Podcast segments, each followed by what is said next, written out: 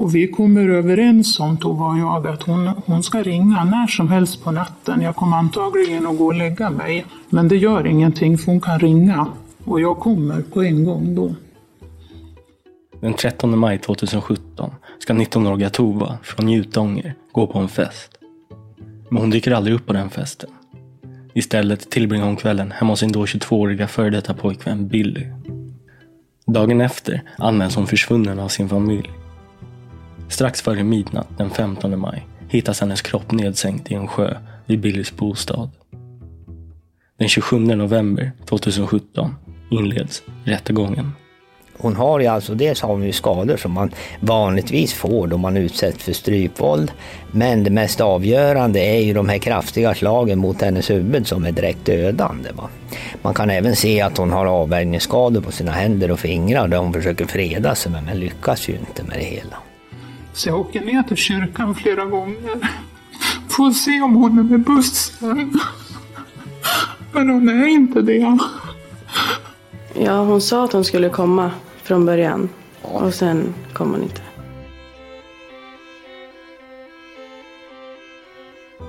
Ja, men innan sa ju Bill åt oss att vi skulle hitta på någonting. Och jag kommer inte ens ihåg vad han sa. Men han ville att vi i alla fall skulle ljuga.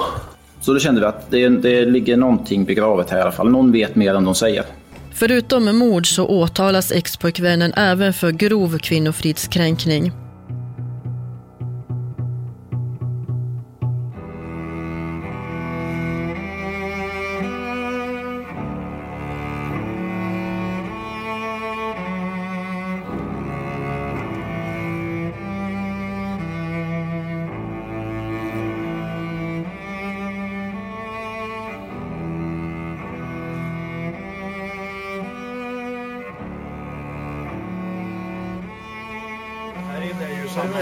Den är på. Vill ni att någonting ska vara med på film måste ni säga Ja. till.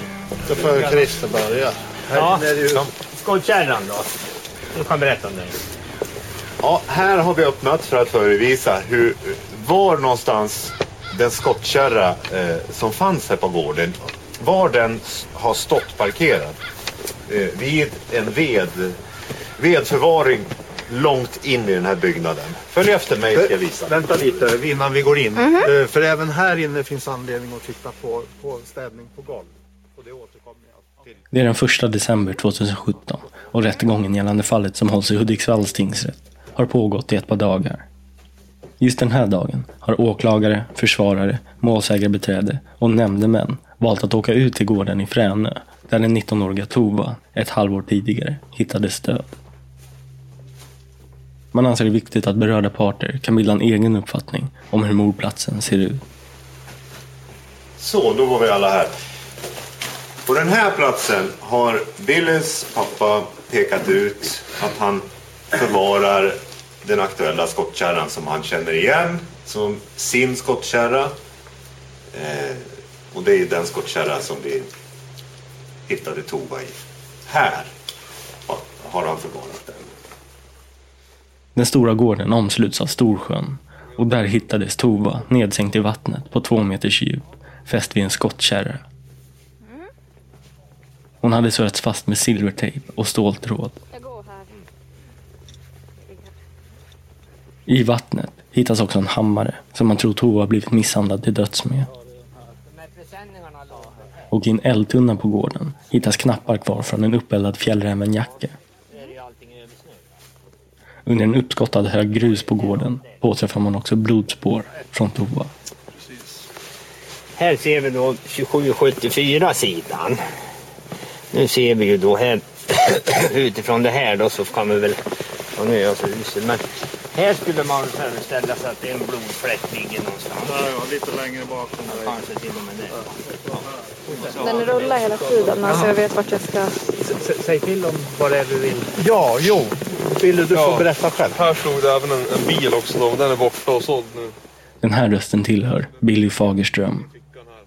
Han är Tovas före detta pojkvän. Det är han som bor på gården. Och det är han som misstänks ha tagit livet av Tova. Ja. ja. Billy, är det, är det här som, som ni brukar mecka med bilar också? Eller? Ja, Ja. precis. Det är väl allting brukar vi köra hit. Här finns det ännu mer verktyg som, som man ser. Billy står åtalad för mord, men också för grov kvinnofridskränkning som innefattar flera fall av misshandel, olaga hot och olaga tvång. Ja, nu har vi väl inte något mer att peka på här. Offentlighet eller försvararen någonting? Nej tack.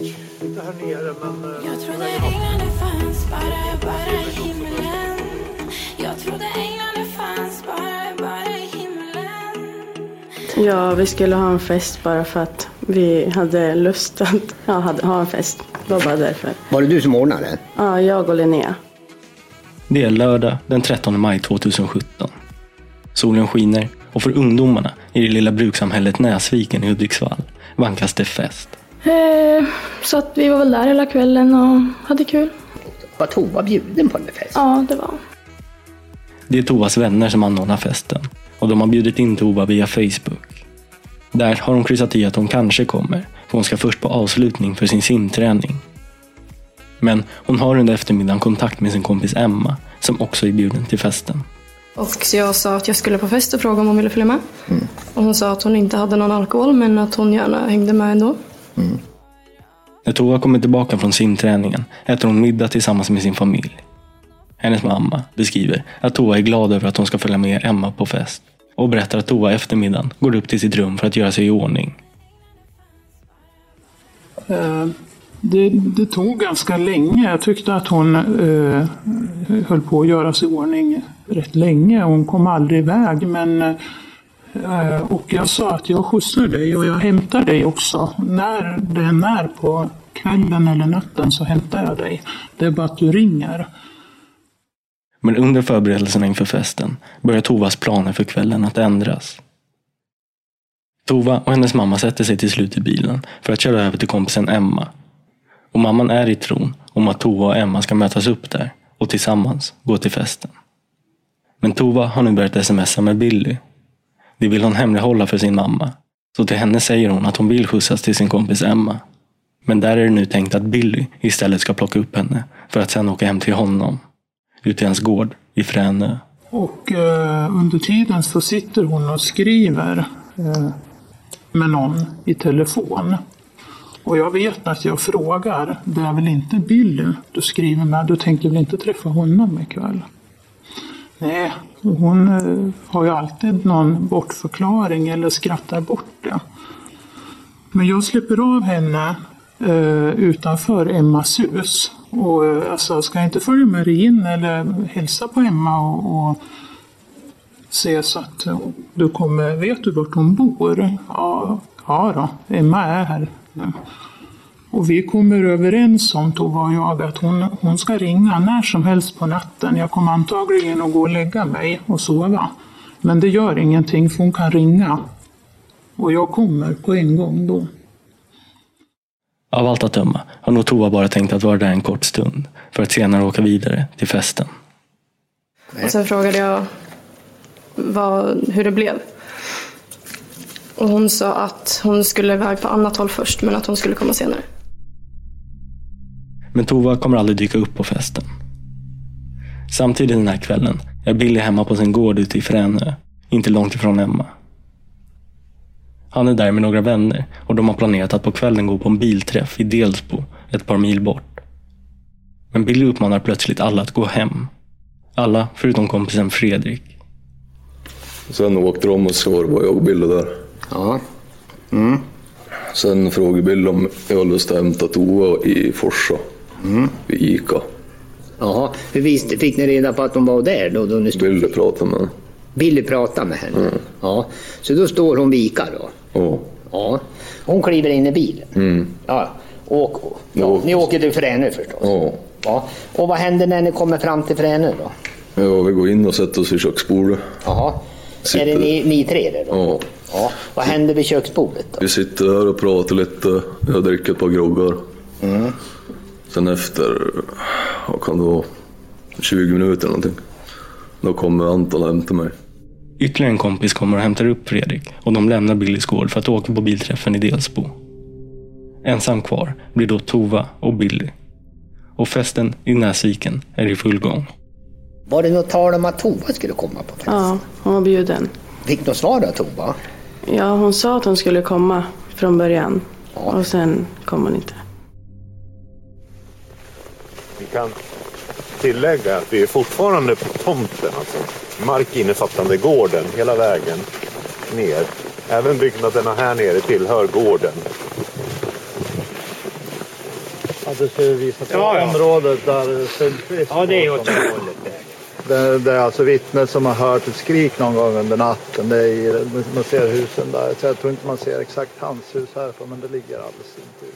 Jag åt lite och sånt där och sen så var väl när Melodifestivalen, jag låg bara och och lyssnade på den. Och Någon gång senare på kvällen, in på natten, det är oklart exakt när, men uppskattningsvis kring 12 halv ett-tiden, hör en av grannarna till Billy ett skrik. Och fram till ja, omröstningen skulle börja då.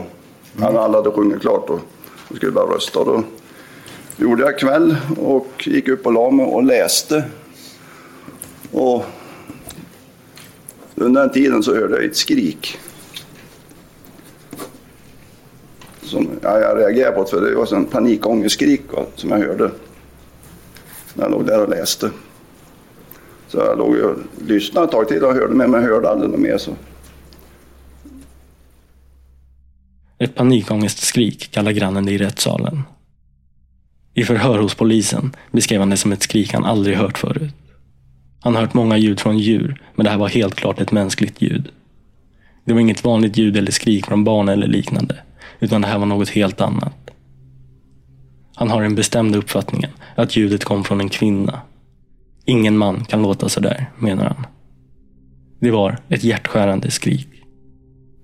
Tidsmässigt, det är svårt att säga, jag vet inte vilken tid det är. Men jag har sagt mellan 12 och 1, jag kan inte säga bättre. Men det var före min fru kom upp och jag vet inte när hon gick och la sig. Ungefär halv ett skulle jag säga så vart det ju något, något tjafs där i Delsbo. Mm. Och, eh, vi blev ju så tvungna att åka därifrån. Billys kompisar, som varit iväg på bilträffen i Delsbo, har under kvällen hamnat i bråk och vill inte längre vara kvar. Vad hände då? då? Och då vad jag förstår så hade Jimmy och eh, Hedman skickat sms och frågat liksom om kan vi komma tillbaka till gården. Och då hade Billy sagt att nej, nej, det går inte. Det går inte än, det går inte än. Upprepade gånger liksom. Eh, Kompisarna ges klara direktiv av Billy att de inte får komma till honom. Att de måste vänta.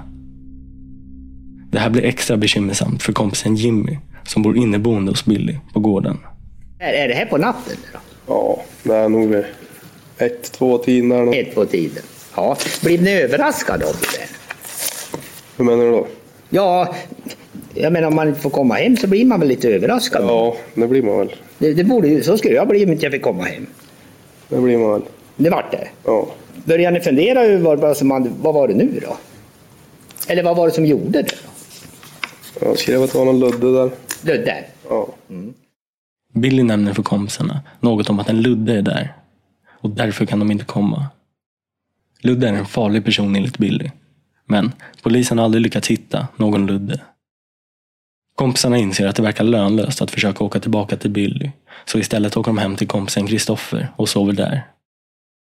När de vaknar upp kollar de som vanligt på sina mobiler. Jag, jag vaknade och klev upp och då, fick jag, då började ju eh, Jimmy och Hedman berätta om det där att ja, han hade lagt ut någon Snapchat om och det hade hänt det där och ja. Han hade tydligen cyklat till, eh, till Iggesund och det tyckte vi var konstigt liksom. Ja, vad hade han lagt ut på så Snapchat då? Eh, som om det inte var nog med problem. Eh, ja, skitliv, något i den Mm. stilen. Ja? Fucking skitliv. Som om man inte hade nog med problem redan. Utropstecken. Skriver Billy på morgonen på Snapchat medan han ligger i ett badkar hemma hos sin styvmamma. Kristoffer reagerar på att han har cyklat ända dit och säger att om man känner Billy så vet man att han helst inte rör på sig i onödan. Tovas mamma kommer att söka upp Billy medan han ligger där i badet och skickar den Snapchatten. Men hon har vaknat upp något tidigare.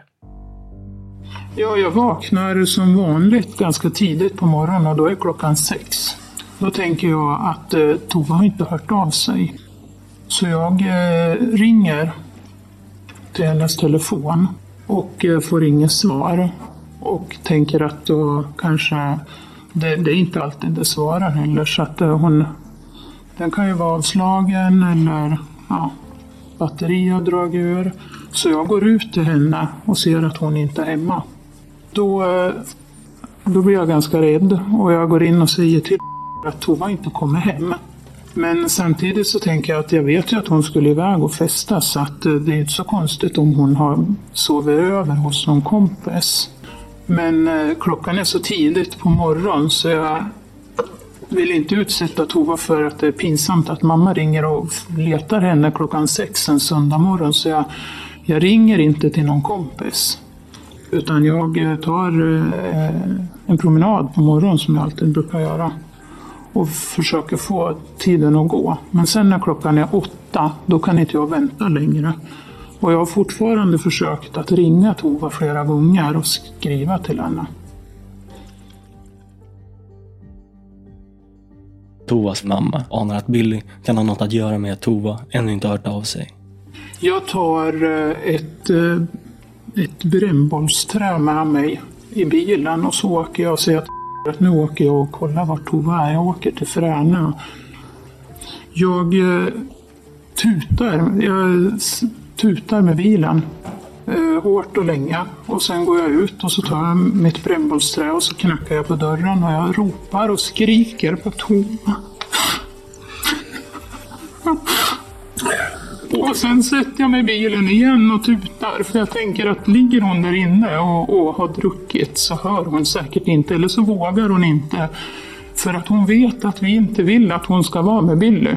Så jag tutar och jag fortsätter och slå på dörren, på väggen och ropar på Tova flera gånger. Jag skriker jättehögt och jag går runt hela huset.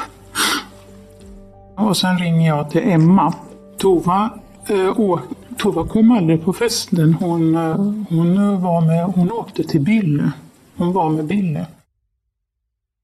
Jag ringer hem till och eh, eh, skriker till honom att Tova är i Fränö med Billy. För hon åkte aldrig till festen. Och så kommer jag också ut. Och då går vi tillsammans runt huset. Tovas pappa vet också om hur dåligt Tova mår när hon är tillsammans med Billy. Så han är också fast beslutsam om att hitta henne. Och han har med sig en kofot om det är så att de är på gården, men inte öppnar. Jag har en kofot med mig som jag slår rejält hårt på väggarna. För jag tänker att är de där inne, om de är bakis eller någonting och ligger så lever vi om rejält. Eh, vi går runt huset och tills jag provar och bryter upp dörrarna. Och den tredje dörren som vi hittar, då, den upp. Eh, det är låst överallt så jag bryter upp den dörren och så går vi in för att se om de är där. Och konstaterar att det är de inte. Då åker vi till Villagatan för att vi tänker att då kanske de är där, för där brukar de också vara. Mm. Eller de har varit där förut.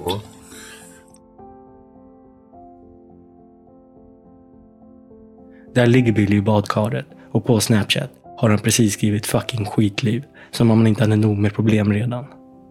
Då parkerar vi bilarna och så sen så går vi ut och eh, då är det eh, Billys styvmamma mm. som är ute på, på gården. Och då frågar vi om Tova och Billy är där. Och eh, Tova vet hon inte. Nej, Tova är inte där, men Billy ligger i badkaret. Eh, och då ber vi henne att hämta Billy, för vi vill prata med honom. Och då säger hon att vi kan gå in, men vi vill ändå att hon går och hämtar honom. Och då kommer han ut i en morgonrock. Då frågar vi vart Tova är. Och eh, det vet inte han. Eh, och jag säger ju att jag vet att Tova åkte ut till dig och det säger han också. Att Tova kom till mig. Eh, men hon åkte runt tio tiden, halv tio, tio. Och sen frågade jag hur kan det komma sig att Tova åkte vid tio, halv tio, tio? Det var ju då jag skjutsade henne. Ja, jag vet inte, jag, jag kanske var senare också.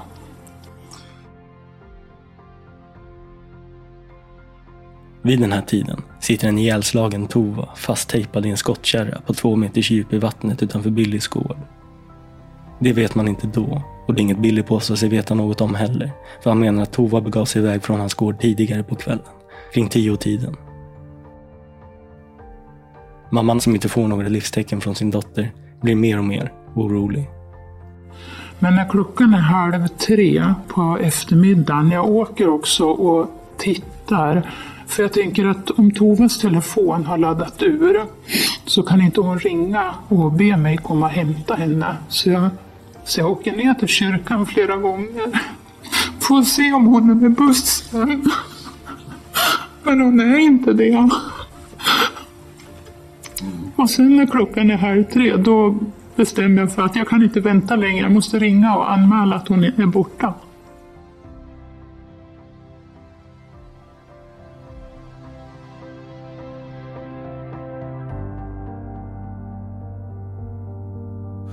Först är vi inne i garaget säger du och sen när polisen ringer är vi i köket. Ja, vi gick in då och pratade telefon. Mamman anmälde till slut sin dotter försvunnen. Hon uppger att Billy är en av de sista som har sett henne under kvällen. Därför ringer polisen upp och pratar med Billy och även med några av hans kompisar. Jaha, går alla tre in då? Mm. Jaha. Är det polisen som ringer då? Mm. Kan du berätta vad händer? Ja, men innan sa ju Bill åt oss att vi skulle hitta på någonting. Och då kommer inte ens ihåg vad han sa. Nej. Men han ville att vi i alla fall skulle ljuga. Ja. Tänkte du då, hade du någon fundering över varför du satt och gjorde sådär? Då? Alltså det var det där som är sjuka, för jag tänkte liksom inte varför. Jag tänkte att Billy var rädd där och att han skulle bli misstänkt. Och då tänkte jag typ, ja men... Ja. Kanske han blir då, typ, tänkte jag. Billy uppmanar nu kompisarna som han är med på gården att hitta på en historia. Han ber dem ljuga för polisen. Vart det något, efter att ni, har, ni tre har pratat med polisen då, Mm. blir det ingen diskussion er sinsemellan då? då? Nej, det är väl... Det är väl lite tryckt stämning eftersom vi har hållit på att ljuga för det kändes inte bra att ljuga. Eller? Nähä. Så du kände dig inte väl till mods? Nej. Nej.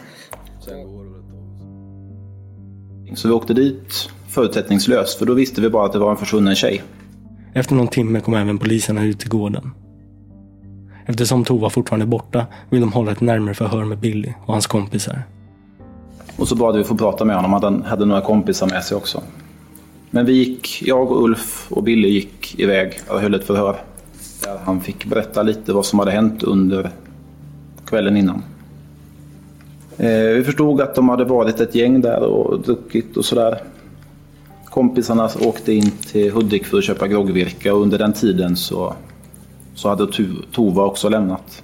Han sa först bara att han hade sett en, en bil. Jag har för mig det var en mörk bil genom fönstret. Utan att riktigt veta vad, vad det var för bil, utan hon, typ att hon försvann. Sen eh, när vi frågade lite mer, då var det kanske att det var någon på den här Facebook-sidan Vem kör? Och kanske någon utlänning. Så då upplevde vi att historien ändrades lite, alltså att det var inte riktigt konsekvent. Men det tänkte vi inte så mycket på då, utan det var fortfarande bara en försvunnen tjej. Eh, och fortsatte, ja, vi gjorde förhöret så noggrant vi kunde. Men då hade vi som sagt ingen, ingen, ingen misstanke om att det skett något brottsligt. Poliserna förhör även kompisen Fredrik och man inser att historierna inte går ihop. Jag sa samma historia som jag sa i tele- telefon till polisen. Ja, så han frågade och du berättade samma sak igen? Ja. Mm. Och vad hände sen då? Ja, sen pratade de väl med Jimmy och Wille då. Så var det någon av våra historier som han gick inte ihop på. Och då sa vi det, som vi kände att någon döljer någonting. Det, fin- det finns något mer som vi vill ha fram, så måste vi hitta vad det är som inte stämmer. Så vi gjorde en lista med kanske tio frågor. Som vi sa, nu åker vi ut och så separerar vi alla kompisar, alla som har varit med, alla som ville säga varit med. Separerar vi, så ställer vi exakt samma frågor till alla. Och så ser vi om svaren skiljer sig. Och uppgifterna polisen samlar in tyder på att något inte står rätt till. Yttre befäl Marie Eriksson kallas då också ut till gården. Eftersom det var lite oklara omständigheter och vi hade fått lite olika, Eh, olika information från olika personer så var väl min arbetshypotes att de visste mer än de sa, men det var kanske för att Tova hade bett dem att ljuga. Alltså att, låt säga att hon var frivilligt försvunnen så att säga och hade bett dem att ljuga för hennes skull, då, för att hon kanske inte ville eh, bli hittad av föräldrarna. Då. Det var en arbetshypotes som vi utgick ifrån, men någonstans redan från början så var väl känslan att de här individerna visste mer än de sa. Billys kompis Fredrik börjar nu känna att lögnen inte längre håller. Du får gärna berätta hur, hur det är. Och då sa han typ, ja fan också, jag, jag ska säga hur det ligger till, jag ska säga hur det är. Det var Billy som hade bett honom ljuga om det. Och skälet har jag för mig att det var han som berättade också, det var att Billy inte ville riskera att bli utpekad eller misstänkt. Eftersom han var pojkvän eller expojkvän och hade varit den som sett henne sist. Ja, den här kvällen blir ganska lång. Eh, det blir många kontakter med förundersökningsledare och så vidare.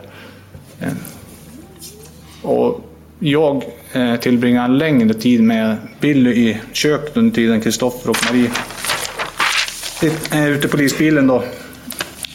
Jag vet inte hur länge där där inne i köket, men det, det bör vara minst en timme i alla fall. Fram till att det kommer beslut att de ska hämtas in till förhör.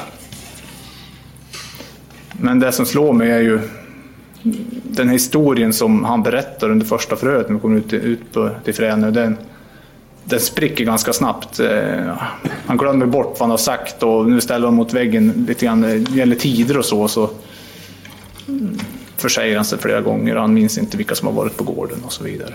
Eh, under festen. Och jag hade ju redan på vägen upp fått veta att telefonen hennes hade pejlats och att den var avstängd. Och att pejlingen hade gått in då på ett visst ställe 02.20.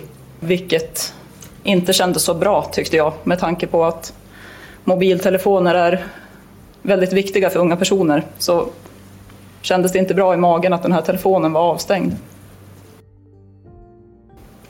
I mitt förhör med Billy då så hade det framkommit att han, vilket han berättade själv, att han tidigare hade blivit anmäld för misshandel av Tova.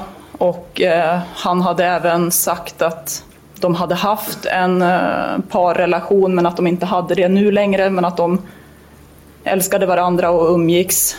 Men att det inte fungerade. Han nämnde också att han eh, var lite svartsjuk. Men att han ändå inte hade något problem med att de inte var ett par så att säga. Jag satt och funderade under det här förhöret på honom. Han sa att han var orolig, men jag, jag upplevde honom inte orolig. På ett eller annat sätt så brukar det liksom skina igenom om någon är orolig. Men eh, jag upplevde inga, inga sådana saker.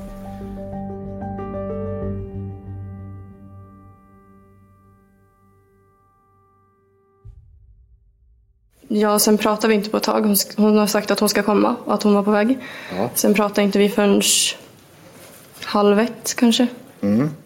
Billy säger under sina förhör att Tova lämnade hans gård tidigare på kvällen, runt tio tiden. Men det stämmer inte med de vittnesuppgifter som Tovas kompis Emma lämnar.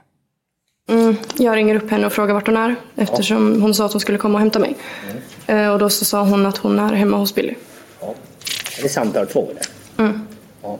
Har du, Sen kvart över ett var sista gången jag pratade med henne. vad säger hon då? då? Hon säger att hon är hos Billy, att de letar skjuts därifrån.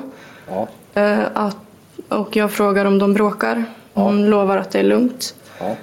Och hon skrattar och säger att, eh, att hon vill att vi ska träffas senare. För att jag säger att jag ska åka till krogen och sen ska jag ta 20 över 2 bussen hem.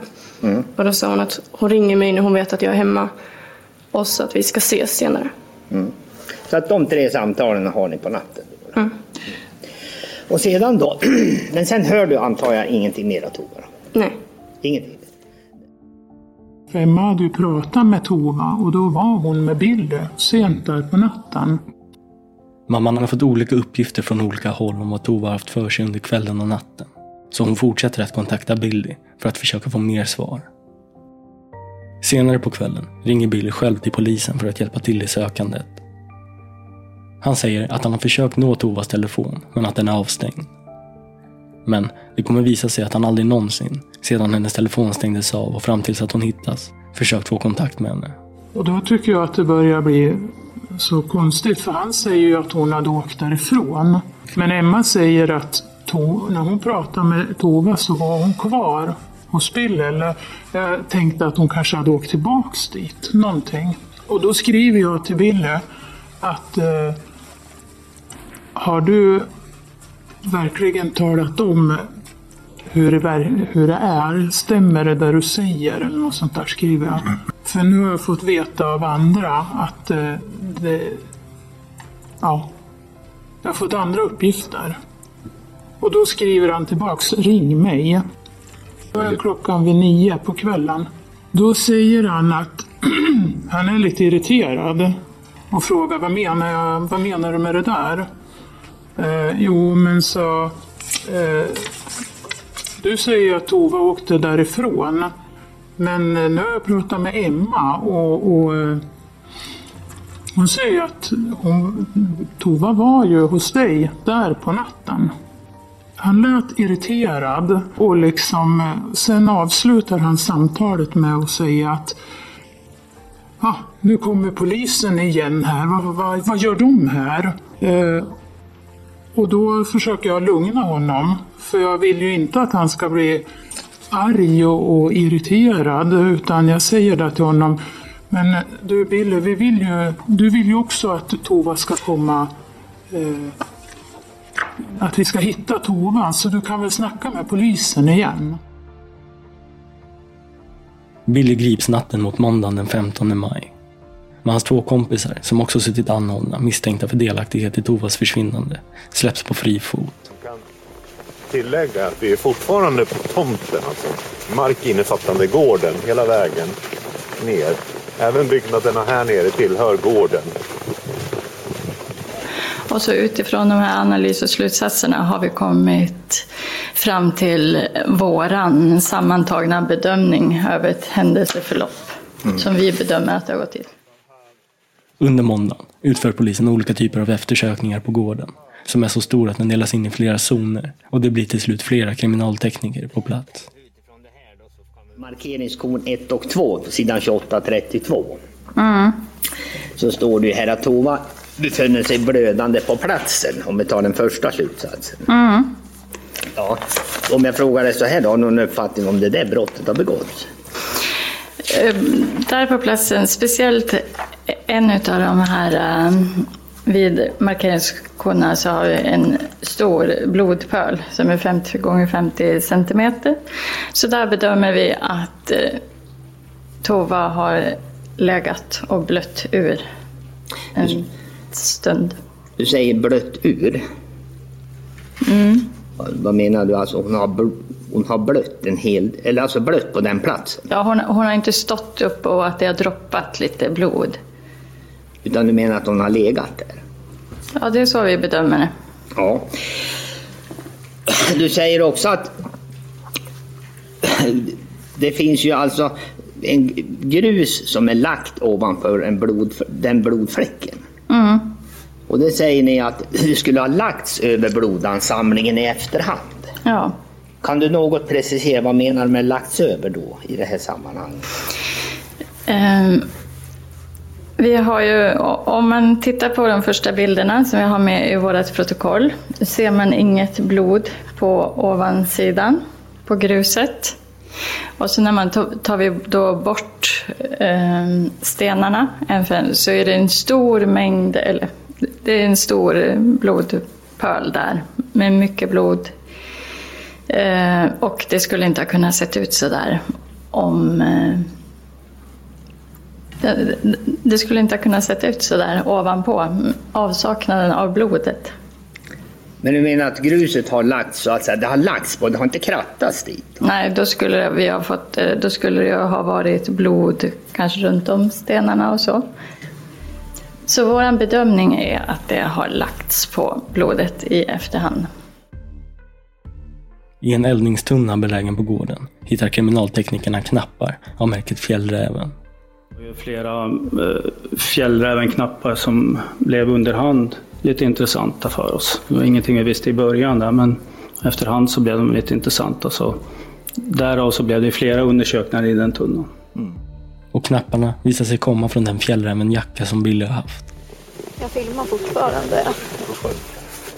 Man börjar nu blicka ut mot sjön och inser att dykare behövs. Teknikerna reagerar på som går rakt ut i vattnet. Och man kan se det så pass långt eh, tills det börjar djupna och sen kallar man hit dykare då, som följer längre. Så jag och eh, kollegan Marco vi tog på oss torrdräkt och snorkel och cyklop. I och med att det var så grunt. Och sen började jag simma då. Eh, så att jag kom in på det här spåret nära, nära land som möjligt. Så följde jag ju bara spåret ut. Eh, och eh, en bi- bit ut så såg jag ju den här skottkärran då som låg upp och ner. Eh, vänd med skacklarna utåt då. Det var väl i anslutning till det här spåret där det slutade. Där låg ju skottkärran. Så att fram till skottkärran var det både hjulspår, fanns det även skospår ända fram dit? Ja, det var skospår ända fram på varje sida av, av hjulspåren. Så, då var vi alla här. På den här platsen har Billys pappa pekat ut att han förvarar den aktuella skottkärran som han känner igen som sin skottkärra. Eh, och det är ju den skottkärra som vi hittade Tova i. Här har, har han förvarat den. På måndagskvällen hittas Tova fastsurrad med tejp och ståltråd i en skottkärra i vattnet. Och följande dagar blir fallet en riksnyhet. Ja, vi har säkrat spår innanför avspärrningarna. Jag kan av utredningsskäl inte säga vad det är för någonting, men det har säkrat spår. Det, kan bek- det är bekräftat. Det är bekräftat av polisen då? Ja. Okej, och brottsrubriceringen har också ändrats med det? Ja, till mord då. Och obduktionen av Tovas kropp, som genomförs av en rättsläkare, visar på att Tova utsatts för ett synnerligen brutalt våld. Skadebilden var ju omfattande ehm, och, bestod av eh, skador förenliga med, med trubbigt våld. Eh, över huvudet, en del på halsen och en, en del på bålen. Eh, och i, inne i skallen blödningar så undersöktes närmare av en, en neuropatolog. Och han bedömde att de här skadorna med stor sannolikhet har, har orsakat döden. Man kan även se att hon har avvärjningsskador på sina händer och fingrar där hon försöker freda sig med, men lyckas ju inte med det hela. Medan Billy sitter häktad bedriver polisen en massiv utredning. Och man börjar nu skapa sig en bild över hur Billy och Tovas tidigare förhållande såg ut. Förutom mord så åtalas expojkvännen även för grov kvinnofridskränkning. Och här har hennes dagbok haft en avgörande betydelse för utredningen. Jag fixar inte det här. Det blir bara värre och värre. Nästa gång dödar han mig. Jag ser helt jävla trasig ut. Du har bekräftat på åklagarens frågor att du har ljugit för polisen. Ja. Du har haft, som jag fattade, oerhört svårt att svara på vissa frågor ifrån åklagarens sida. Jag vet inte riktigt vad du syftar på, men det, det är ditt tycke. Billy, det är många som är helt övertygade om att det är du som har tagit livet av Tova. Skulle det inte kännas bättre att erkänna det? Stå för vad du har gjort och få någorlunda frid i sinnet. Jag måste bara säga till dig att det är oerhört förnedrande att sitta och säga sådär när det inte, när det inte är så helt enkelt. Men du, du vet ju inte något mer än.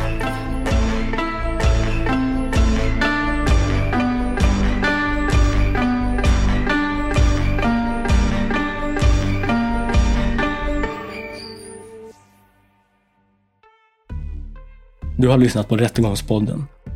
Mitt namn är Nils Bergman. Ansvarig utgivare är Jonas Häger. Tack för att ni har lyssnat.